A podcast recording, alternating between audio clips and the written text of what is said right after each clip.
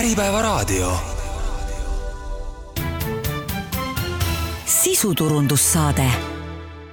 tervist, hea kuulaja, eetris on taas sisuturundussaade ja täna me räägime tehisarust ja andmetest ning nende kasutuselevõtust.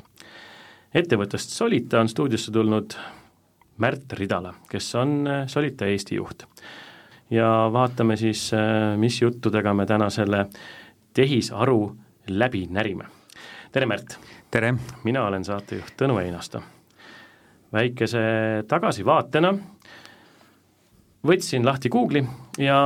lüües Solita sisse, annab ettevõtte kodulehekülje ja järgmise vastena kohe värbamisportaali pakkumised. et peale Eesti tegutsete Soomes, Rootsis, Taanis, Belgias ja Saksamaal ja värbamisportaali kaudu otsite muuhulgas ka teadus- ja arendustegevuse projektijuhti autonoomsete süsteemide valdkonnas kes siis Solita on, kes te olete ja kust te tulete, võtame sellise nagu ajalise äh, tagasivaate ja tutvustame siis kuulajale teie tausta. no Solita ise on äh, üle kahekümne viie aasta vana, äh, pärit Soomest ja Eestis tegutseme nüüd varsti kuus aastat, pakume siis suurtele ettevõtetele ja organisatsioonidele IT, andmesüsteemide, pilvearvutuse ja UX disaini teenuseid, ehk et teeme selliseid suuri projekte, mis on seotud IT-ga ja, ja andmetega. ja noh, tänapäeval siis ka juba mingil määral ka tehisintellekti või tehisaruga, eks me peame selle terminoloogia veel paika loksu-, loksutama eesti keeles. just me oleme kokku leppinud kuulajatele sissejuhatuse märksõnadena, et me puudutame täna tehisaru teemat. kaks pool aastat tagasi olid sa samuti Äripäeva raadios ja jooksid hommikuprogrammist läbi enne Äripäeva konverentsi Big Data kaks tuhat kakskümmend üks ja ja seal oli muuhulgas juttu, et äh, palju on arenenud erinevaid keeletehnoloogia mooduleid ning äh, siis oli see kontekstis, kus me rääkisime klassifikaatoritest, klassifitseerimisest, andmete erinevatest kogumisest läbi klienditeeninduse, müügi ja tagasiside. seal oli juttu ka tekst kõneks, kõne tekstiks, ehk asjad, mis mõned aastad tagasi olid juba ka iseenesestmõistetavad, kuhu me täna siis nende teadmiste valguses selle ai-ga ja selle, selle tehisaju, tehisaruga jõudnud oleme, et, et mis, mis kaks pool aastat tagasi juba juhtunud oli selles valdkonnas ja, ja kas äh, tänasesse päeva oskasime me sellel hetkel üldse nii-öelda mõelda ette või siis unistada, et, et kuhu ja kui kiiresti need arengud võiksid käia?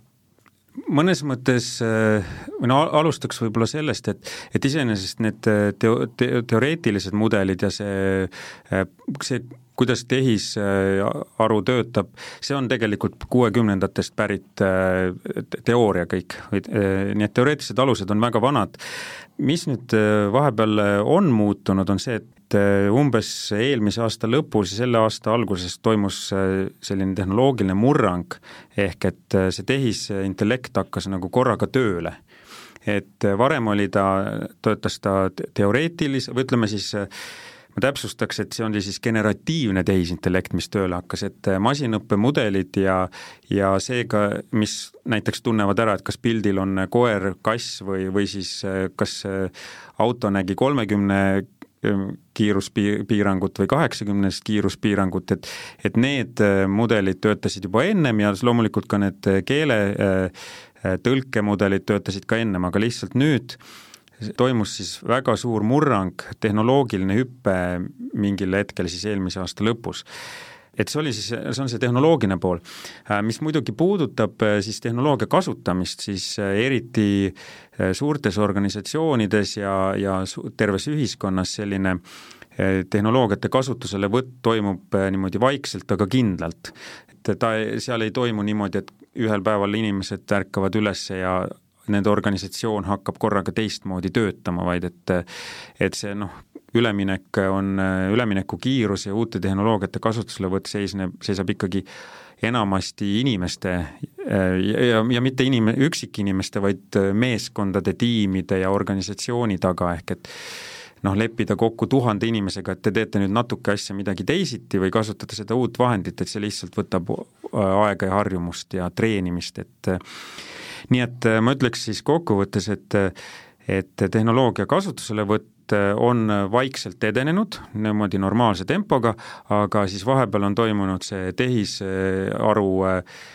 järsk nii-öelda tööle hakkamine, et ta ületati mingi künnis ja see, need mudelid hakkasid korraga tootma mõistlikku teksti ja nii et vastus küsimusele, et miks me üldse täna sellel teemal räägime, see ongi see, et, et, et nii-öelda äh, oodatud künnis äh, on ületatud ja, ja nüüd räägivad sellest justkui kõik või kõik on justkui mm -hmm. moel või teisel sellest midagigi kuulnud. Äh, jah, et see selles noh, et ta on olnud üks suur, suuremaid ja kiiremaid murranguid üldse tehnoloogias, me tegelikult oleme selles faasis, kus kõik võib-olla räägivad temast palju ja tegelikult ikkagi nagu igapäevases elus kasutatakse üsna vähe. Ja aga noh, haip on nagu oma täistipus praegusel hetkel, et see on kindel. ja ja noh, selle, selles mõttes see murrang on tehnoloogiliselt ol-, väga suur ja väga kiiresti toimunud, et noh, ma ise võrdleks seda sellega, kui kui aastal kaks tuhat seitse ei oleks tulnud välja mitte iPhone, vaid korraga oleks olnud igalühel iPhone, kus oleks ka kõik need äpid olemas, mis meil täna on olemas. noh, teatavasti siis oli niimoodi, et iPhone tuli, siis seda pidi Ameerikas ostmas käima, ühtegi äppi seal alguses ei olnud ja maksis ka väga palju ja ja kuni ta siis kõikideni jõudis, seal kulus äh, ikkagi noh, mitmeid aastaid aga nüüd korraga on siis tehisintellekti tehnoloogia selline, et on tegelikult kõikide jaoks olemas, kõik saavad teda kas chat-GPT-s või Bingis või mõnes äh, Adobe joonistusprogrammis või Midjourneys kasutada, ta on noh, väga väikese kuutasu eest või tasuta ja, ja ongi nagu kõigil olemas korraga, et mõtle ise, mida, kuidas seda kasutada. tehisaru, generative ai, kuidas see siis töötab, mis selle ülesanne on või kuidas, kuidas meie ettevõtjatena või tavainimestena sellest äh, kasu saame, et kas me proovime praegu kõigepealt siis kuidagimoodi sellele terminoloogiale ühest äh, vastust anda, kui see üldse võimalik on? jaa, terminoloogiale äh, inglise keel, inglise keeles on ta enam-vähem olemas, terminoloogia, et mul lihtsalt mõned väljendid tuleks ära tõlkida, et ma ise jagaks ja ma ei ole nüüd äh, väga sügav masinõppe spetsialist, et siin ma loodan, et, äh, et selle eriala inimesed mind siis pärast kurja sõnaga ei meenuta, aga, aga niimoodi äri poole pealt vaadates on siis olulised esiteks selline termin nagu masinõpe, võib nimetada ka data science'iks või andmeteaduseks, mi-, mis siis sisuliselt seisnes selles, et et saab panna mingi mudeli, mis õpib ära näiteks pildi pealt midagi ära tundma või tekstist midagi ära tundma või kas või helis ära tundma, et me oleme selliseid heli mingisuguste pattern'ite äratundmist äh, kasutanud ja see on, see oli siis, on tavaline masinõpe, see on tänapäeval täiesti ikka kõik olemas ja pole kuskile kadunud. aga eh, nüüd eh, generative ai või gene-, generatiivne tehisintellekt, see oli, ma leidsin Adobe tõlke, et aga noh, ma arvan, et võib-olla loov tehisintellekt oleks äkki parem eesti keeles. et eh, see oli sii-, on siis üks samm edasi, kus siis see andmeteadusega loodud mudel genereerib ise midagi, olgu see siis tekst või see võib olla pilt, see võib olla video, see võib olla heli, see võib olla ka proteiin näiteks või no mitte füüsiline proteiin, aga siis proteiini äh, mudel, mille järgi võib-olla laboris saab pärast teha siis päris proteiini või ravi, ravimi või. ja mi-, mis on nüüd, mis tegelikult on selle asja juures nagu kõige kummastavam, on see, et mida see genereeriv tehisintellekt siis teeb, on, on see, et ta ju selle temale ette antud küsimuse ja tema poolt juba loodud asja või teksti põhjal lihtsalt pakub, et mis statistiliselt võiks olla äh, nagu see kõige tõenäolisem või kõige sobivam järgmine sõna. ja tegelikult noh, täiesti selline mõnes mõttes ju ilma, tundub, et ilma mõistuseta tegevus, noh, tõenäosuse pealt pakun järgmist sõna või järgmist väljendit või järgmist äh, sõnaosa ja siis kuidagi, kui äh, mudel oli õppinud piisavalt suure hulga teksti pealt, kuidagi see tõenäosuslik pakkumine hakkas meile genereerima loogilist teksti. Noh, me ei tea nagu, et, et ta ei ole nagu arvutiteadlastele või noh, mina olen õppinud ka programmeerijaks, on see eh, nagu niisugune ebameeldiv asi, et arvutiprogrammis on kõik hästi määratletud, null või üks, kas jah või ei, kas eh, mingi loogikatingimus on täidetud või ei ole ja siis, kui on täidetud, tee järg, täpselt järgmine käsk, selline hästi eh, diskreetne maailm ja siis korraga on meil selline statistiline mudel, mis millegipärast pakub ja genereerib mõistlikku teksti. ja ta töötab, noh, oma vigadega ta toimib ja, ja siis äh, seda võiks nüüd siis ja peaks kasutama hakkama.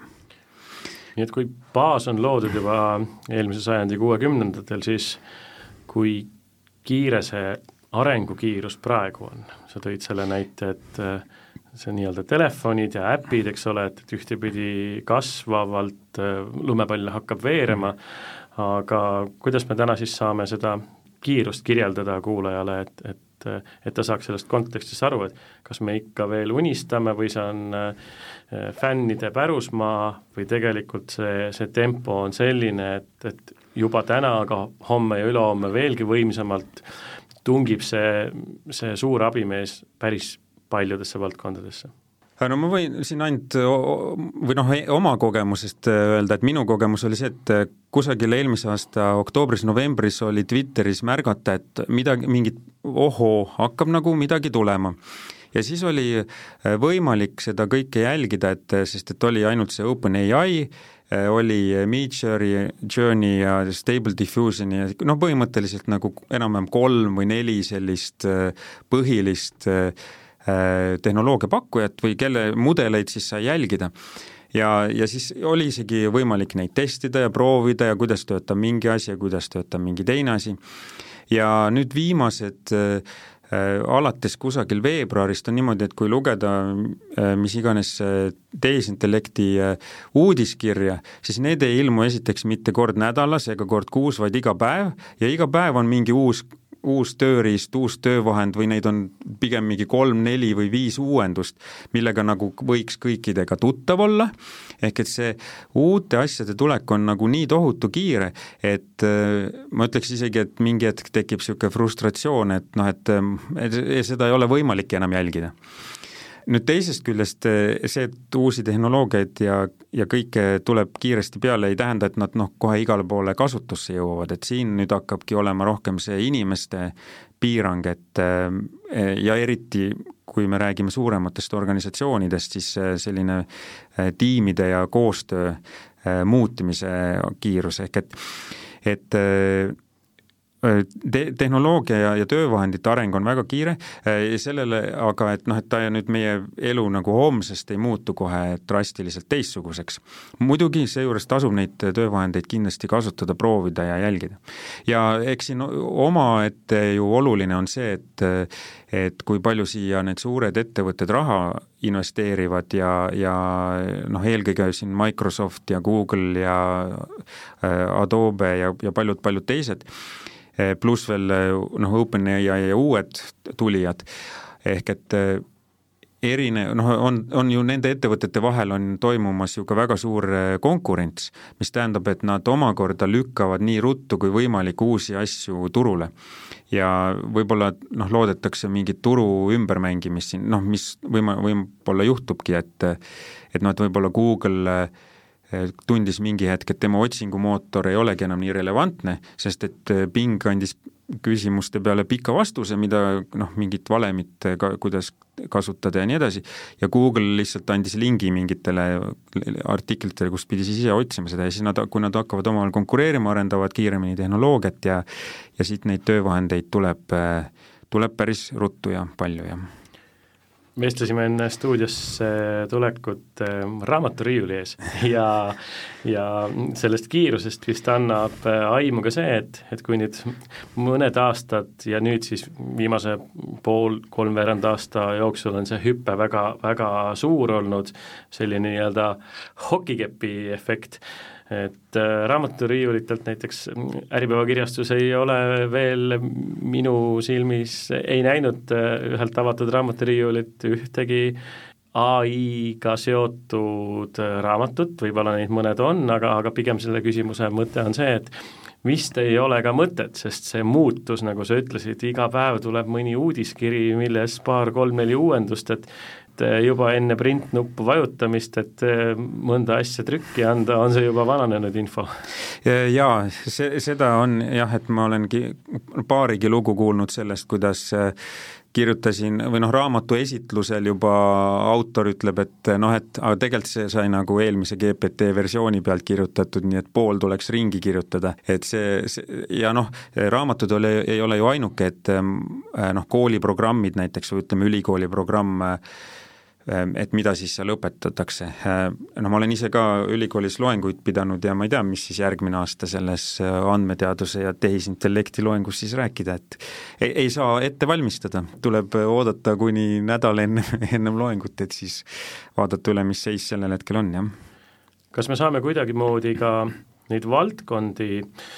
grupeerida või kitsendada, et, et mõnda valdkonda mõjutab see tehisaru rohkem, mõnda vähem, kas siin on mingisugused erisused või ta ikkagi vaikselt imbub igale poole? E, ta imbub igale poole, aga kindlasti on erinevaid, erinevates valdkondades mõju erinev ja seda on, noh, seda on palju uuritud ja aga noh, ma, minu isiklik arvamus on noh, esiteks ja, tuleks jagada meie valdkonnad Äh, nii-öelda füüsilise töö ja, ja siis äh, mõt-, mõttega töö valdkondadeks, ehk et äh, inimesel ikkagi on robotite ees väga suur eelis, meid, me oleme kakssada tuhat aastat, noh, kui lugeda ainult inimeste evolutsiooni või homo sapiens'i, aga kui kõik eelnevad liigid, siis isegi võib-olla miljard aastat või rohkemgi äh, ju arenenud selles meie keskkonnas äh, füüsiliselt toimima võimalikult efektiivselt, võimalikult paindlikult, äh, meie meie ehk siis inimeste energiakasutus on tunduvalt äh, efektiivsem kui robotitel.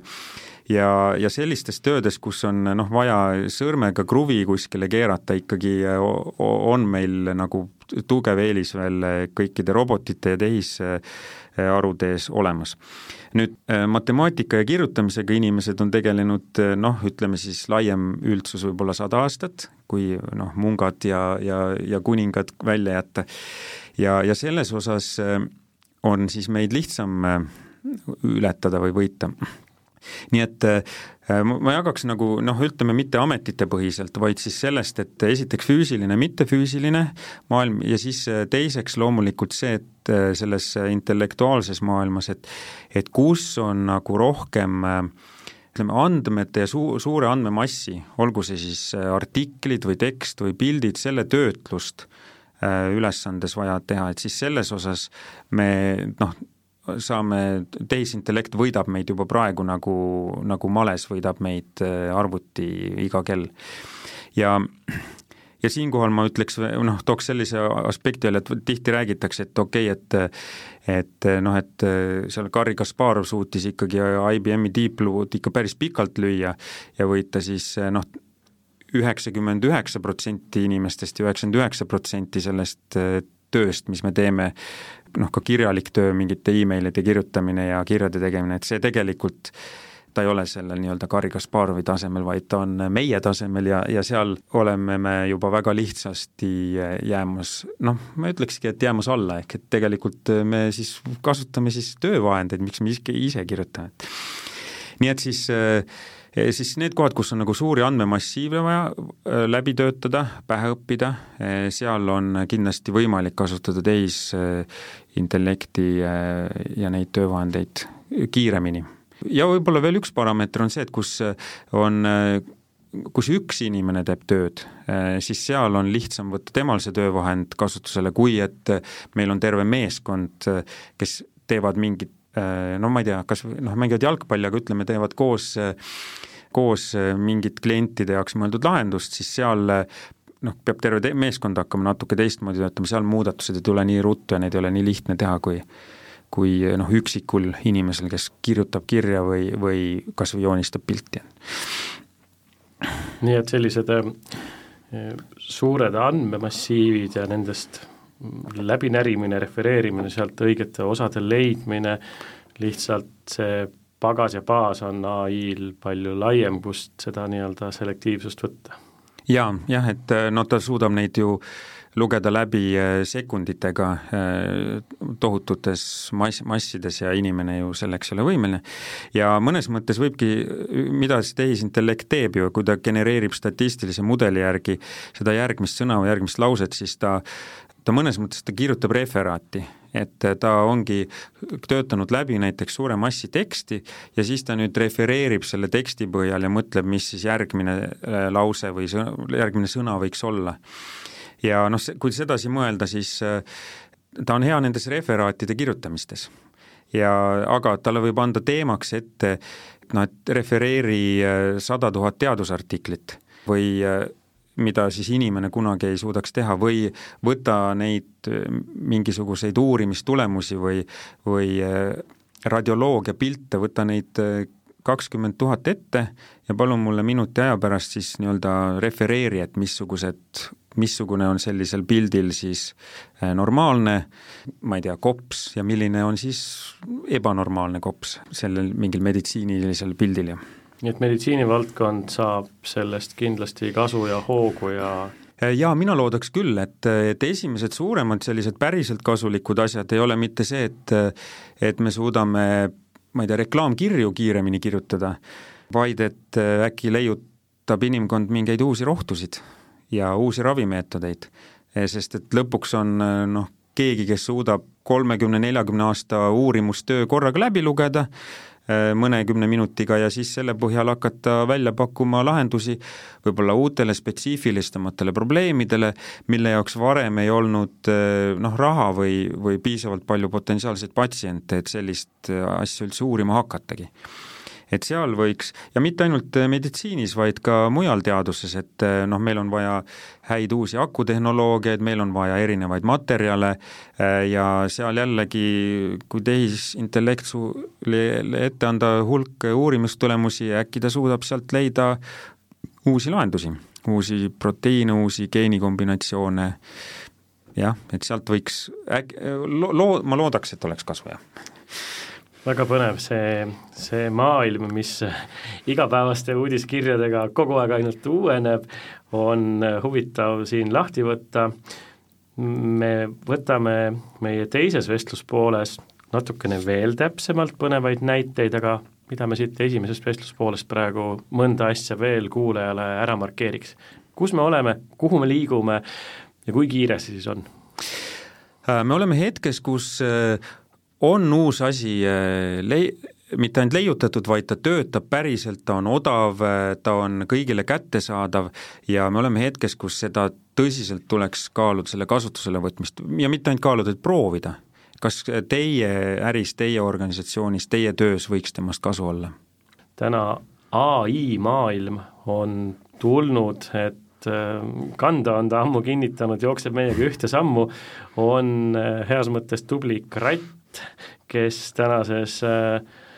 infotehnoloogilises maailmas äh, aitab meid äh, hoida kokku aega, leida fookust ja, ja kasutada seda tehisaru kui abilist. mis asi see Copilot on? sellest on juttu olnud ja, ja, ja kuidasmoodi tehisaru saab siis meid meie tegemistes, ettevõtteid, organisatsioone, meeskondasid aidata? Copilot on, on äh, siis, äh, eks ta on noh, selline Microsofti termin tegelikult äh, või nemad on seda laiemalt oma tootenimena kasutavad, aga see on, see on siis esimene koht, kus, kus tehisintellekt, tehisaru lahendus päriselt siis niimoodi poolsalamisi kasutusele tuleb, nii et ehk et see on siis selline Äh, abiline, olgu ta siis äh, Office'i tarkvaras või meie näeme teda eelkõige hästi palju äh, tarkvaraarenduses, kes on siis sinu ka-, kaaspiloot ja kes siis annab kogu aeg vaikselt nõu või, või temalt võib küsida küsimusi ja siis ta pakub nendele lahendusi. ehk et noh, veel ei ole laiemalt kasutusel, aga varsti ilmselt on Office'i Copilot, mis siis igal kontoritöötajal annab tema andmete ja tema Exceli ja tema emailide põhjal nõu, et noh, et sa näiteks sellele küsimusele võiksid vastata nii ja, ja sinu emailil võiks, see võiks edasi jätkuda naa, et noh, ma arvan, mida me järgmiseks näeme, on see, et et kui meil praegu on, on emailis autokorrekt, siis noh, ja ta pakub natuke seda, et noh, et sa ilmselt kirjutad seda sõna, et siis järgmine etapp on, on see, et sa kirjutad ühe lause ja siis ta pakub sulle, et sinu kogu email võiks olla selline. Ja see tundub võib-olla noh, tobe, aga, aga, aga tegelikult paljudel juhtudel näiteks, kui kirjutada mingit voli, volikirja või avaldust või mingit ametlikku kirja või sellist standardasja, siis tegelikult see masina kirjutatud tekst ongi ehk nagu parem või välja pakutud. nüüd, kus meie näeme noh, meie tehnoloogiaettevõttena või tarkvaraarenduses ja andmesüsteemide arenduses näeme eh, juba seda, et tarkvara kirjutamisel see Copilot on, on väga hea töövahend. Ja ta siis noh, kui e-kirja puhul võib ju ise mõelda, et noh, et, et äkki see pole nagu, ei kõla nagu mina, kui see on Copiloti genereeritud, siis Java koodi puhul või, või .NET koodi puhul ei ole mingit vahet, et kas see on noh, peaasi, et töötab. et, et kuidas see kirjutatud on, nii et äh, me olemegi sellesse valdkonda kõvasti äh, investeerinud ja uurime seda ja, ja kasutame, et kuidas siis turvaliselt äh, nii-öelda andmeturbe mõistes ja efektiivselt siis Copilotit kasutada tarkvara kirjutamisel ja seal oleme me näinud nagu selget efekti, et me hinnanguliselt kuskil kakskümmend, kolmkümmend protsenti tarkvaraarendaja ki-, töökiirus või, või siis ütleme siis tulemus suureneb ajas ja tõenäoliselt see ainult kasvab, pluss et eh, noh, meie jaoks on olnud ka väga eh, huvitav see, et korraga eh, sul ei olegi Java arendaja ja C-Sharp arendaja, Python arendaja, vaid üks seenior tarkvaraarendaja suudab kõikides keeltes korraga kirjutada, sest et ta kasutab Copilot ja kuna tal see üldine arhitektuur ja ja arusaamine tarkvara ülesehitusest ja nendest komponentidest on olemas, siis ta lihtsalt saab genereerida selle Copiloti abil endale no või noh, nagu antud ülesande jaoks sobiva koodi. ja jah, et selles vallas, et ütleme siis see, see on, võiks olla ka üks murrang, et tarkvara ja süsteemide arendus muutuks, muutub palju äh, efektiivsemaks ja odavamaks, et ta ei, ei istu enam nii nende tegijate puuduse taga kinni äh, teisest küljest äh, muutudes efektiivsemaks, äh, muutub ka nõudlus suuremaks, me saame teha palju väikesematele organisatsioonidele palju väiksema eelarvega süsteeme valmis, et et äh, siin meie näeme suurt muutust, et digitaliseerimine saab olema palju suurem just tänu sellele, et seda on odavam ja kiirem teha. Missugused on tänased töövahendid, mida juba täna kas siis teie, kes te pakute sellist konsultatsiooniloogikaga teenuste eh, valikut eh, ettevõtetele, mis, missugused on teie tööriistad või siis mida ettevõte ise saaks kasutada, et, et kui me seda ai-d vaatame nagu laia pildina, et, et kus kohas siis meil sellest kasu on? Noh, meie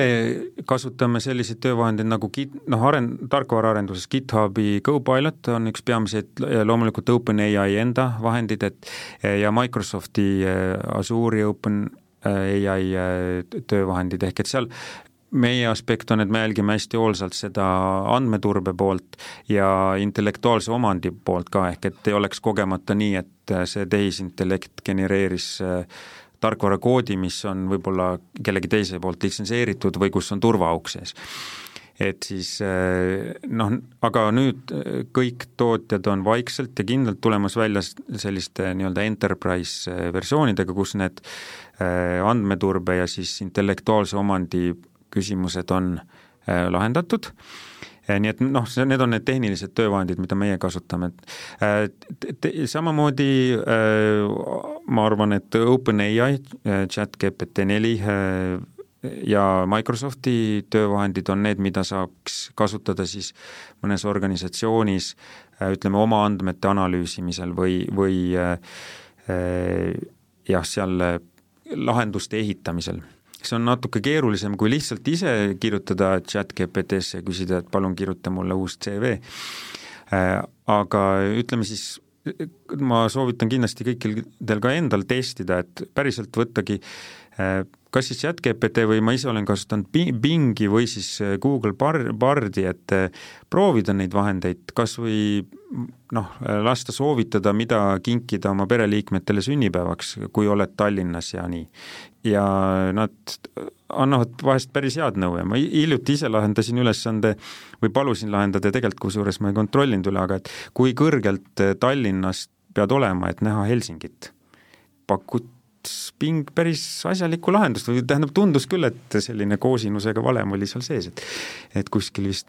jah, kaheksakümmend viis meetrit või kusagil sellises kõrguses. nii et ühtepidi äh, asjalik, teistpidi ka sõbralikult meelelahutuslik, et äh, et aitab õppida, areneda, kasvatada enda kui inimese loomingulisust ja, ja avardada maailmapilti, et äh, visata mm. igal õhtul kümne minuti jooksul neli põnevat küsimust, ilma et entsüklopeediat peaks lugema jaa, jah, et selles mõttes seda äh, noh, ma võrdleks sellise äh, elunavigaatorina või seda Go-Pilotit, et kui me muidu äh, noh, kuskile läheme ja Google Mapsist või, või mõnest teisest navigeerimisprogrammist äh, palume abi, siis siis ega paljud ülesanded on, mida me ka oma elus lahendame, on sellised, mis tegelikult ei ole mingit mõtteski loomingulised või noh, et siis, kus võikski, võibki küsida abi ja teha siis selle järgi kas või aianduses või toitumises või või treeningprogrammi kokkupanekus, noh, peab muidugi vaatama, et kui see kuidagi tervisele kahjuslikuks muutub, et siis siis ei ole mõtet seda, neid käskusid järgida, aga aga jah, seal on, on äh, igasugu võimalusi. Ja, ja siis teiseks on need pildi genereerimistöövahendid äh,, Midjourney, Stable Diffusion ja nüüd siis juba ka Adobe enda töövahendid, Photoshopide lisad, mida siis kasutada ja neid, ja neid noh, vahendeid tuleb nii kiiresti ja, ja oma nii-öelda feature eid või omadusi olemasolevatele juurde, et, et lihtsalt tasub proovida. ja, ja, ja see ongi e, esimene koht, kus me ju päriselt hakkame kasutama, ongi need abilised töövahendid, me ei märkagi, kui korraga tehisintellekt annab meile nõu, et noh, et sa tegelikult tahaksid hoopis sellise e-kirja kirjutada või sa võiksid vastata nii või või et täna õhtul näed, uus film tuli, sa võiks hoopiski seda minna vaatama. ja, ja me, meile see on tegelikult hea, sest et noh, kujutlege maailma ilma Google Mapsita ette, eks ju me ei leiaks ju just mitte midagi enam üles. jah, see, see mugavus ja muutus on nii kiire tulema, et, et vana aega ei mäleta, kakskümmend aastat tagasi mm. sõitsime kõigil olid regiokaardid põlvede peal ja tegime iga natukese aja tagant pausi, kui oli võõrasse kohta minek nüüd mm. on see, et ei mõtlegi, vajutad kolmnurkset nuppu ja, ja teekond mm. visatakse sulle ette, muidugi eh, lõpuks ikkagi, olgugi et see, see areng on päris kiire, ja aina kiiremaks läheb, et ei jõua spetsialistlikke sammu pidada, et oluline on ka see nii-öelda inimfilter seal vahel, et et lõpuks tuleb see nii-öelda täiemõistuslik äh, otsus ja, ja kaalutluskoht ikkagi lõppotsus inimesel endal teha. Äh, jaa, et selles osas äh Äh, noh, meil on äh, li-, lisaks äh, tehnoloogiaentusiastidele on, on meie ettevõttes ka väga palju inimesi, kes just hoolitsevad ja muretsevad ja, ja jälgivad, et, et kogu see asi nagu üle võlli ei käiks. et nii-öelda sustainable ai on siis see ingliskeelne jätkusuutlik tehisintellekt, ehk et et ei tehtaks diskrimineerivaid otsuseid, et ei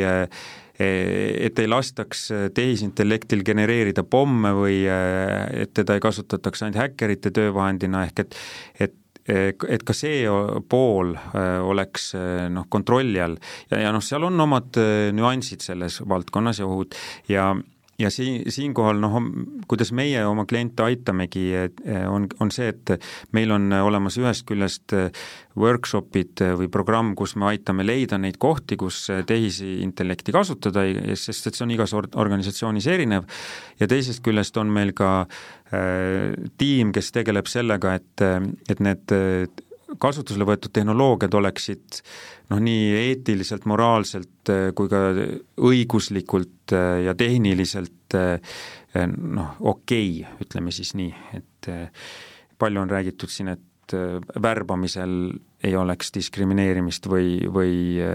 või noh, seal võib olla veel veelgi hullemaid tagajärgi, kui kuskil meditsiinis hakatakse tegema tehisintellektiga mingisuguseid noh, uusi rohtusid, aga mitte nagu kõige paremate eesmärkidega, ehk et kui eesmärk on läbimüük, siis see ei pruugi tähendada paremat inimeste tervist ju, eks.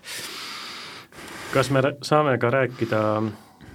no nii-öelda revolutsioonist, millestki sellisest, mis muudab kõike? Äh, no jah, selles suhtes, et see on alati nii absoluutne niimoodi välja öelda, et revolutsioon, aga see nagu, nagu alati lühiajaliselt hinnatakse noh, et tehnoloogia tuleb ja muudab kõike ja siis tegelikud muutused toimuvad pikaajaliselt ja siis takkajärgi vaadates vaadatakse, et ahaa, jaa, et see ikkagi oli päris, päris suur muutus, me elame nüüd hoopis teisiti. ja tõenäoliselt sellist äh, Äh, selline muutus saab siin küll toimuma.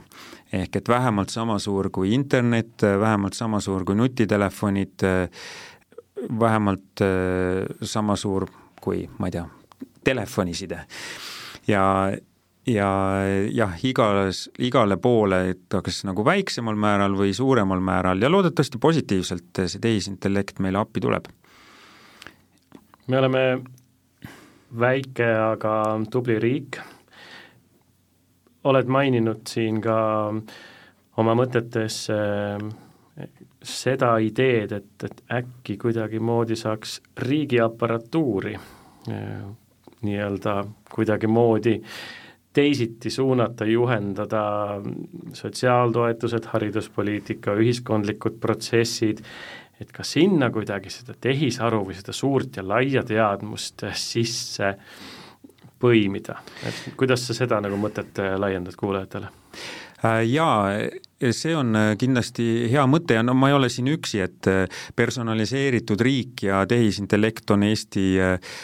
selle valitsuse ja Majandus- ja Kommunikatsiooniministeeriumi üks peamiseid plaane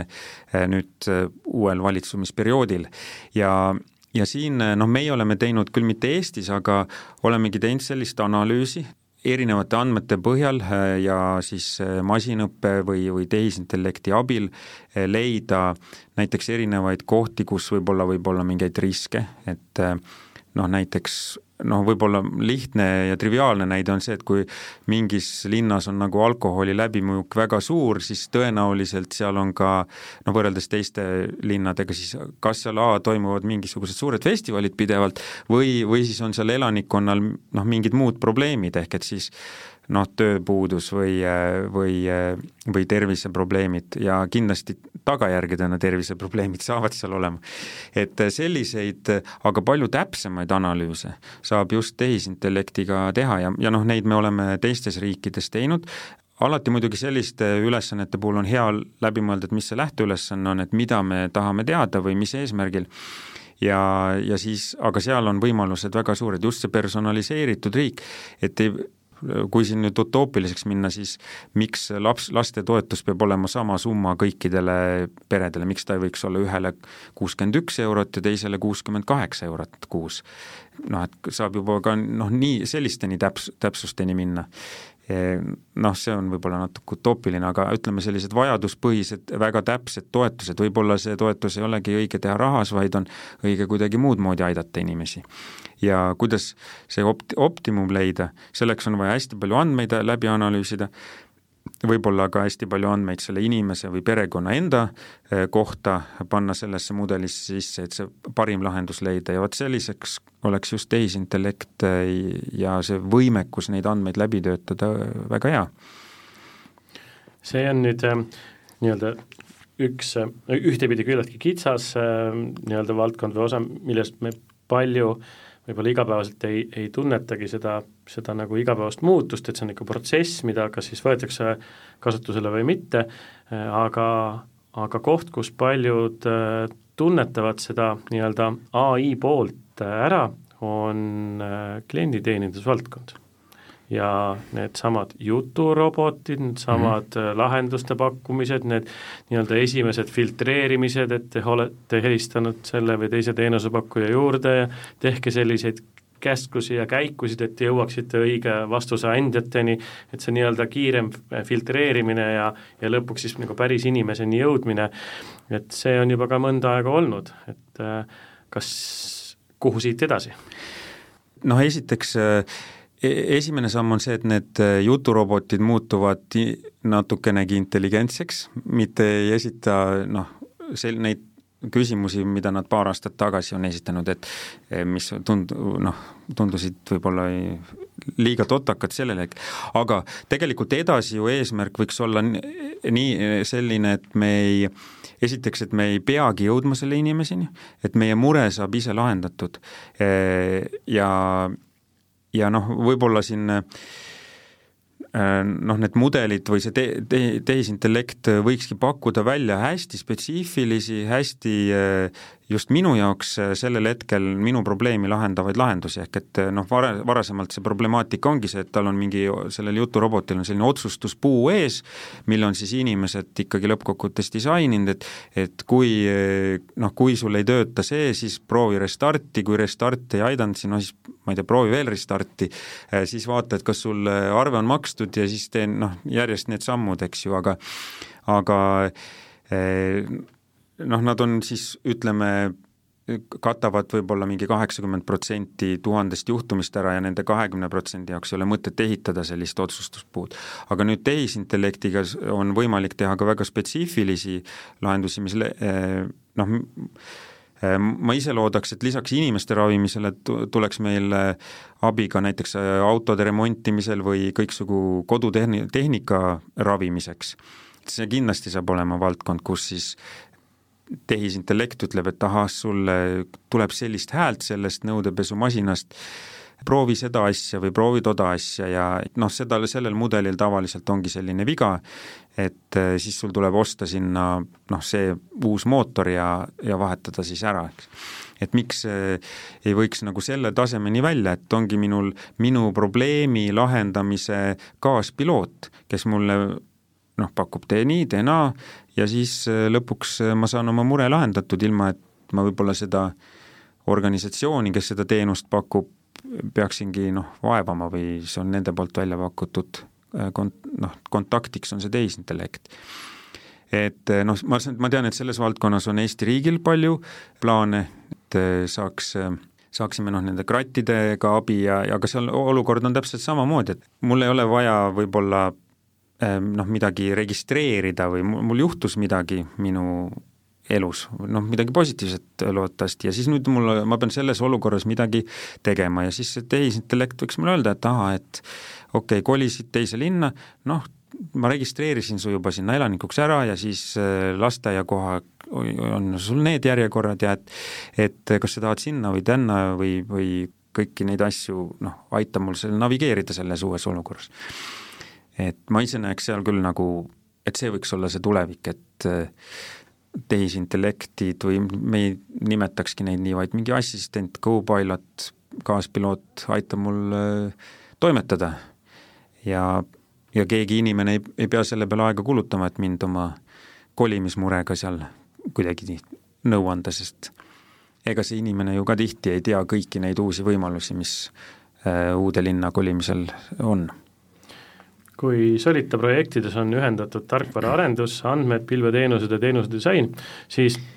teeme ühe call to action'i ka, siis meie kuulajad mm. sooviksid äh, teie kui spetsialistide poole pöörduda, kuidas siis, äh, kolm märksõna, kuidas teie saate ettevõtteid, organisatsioone aidata, mida te nendega teete, et täna juba käigus olevad äh, need IT-tarkused ja, ja see, see tehisaru panna tööle nende ettevõtete kasvuks mm? -hmm.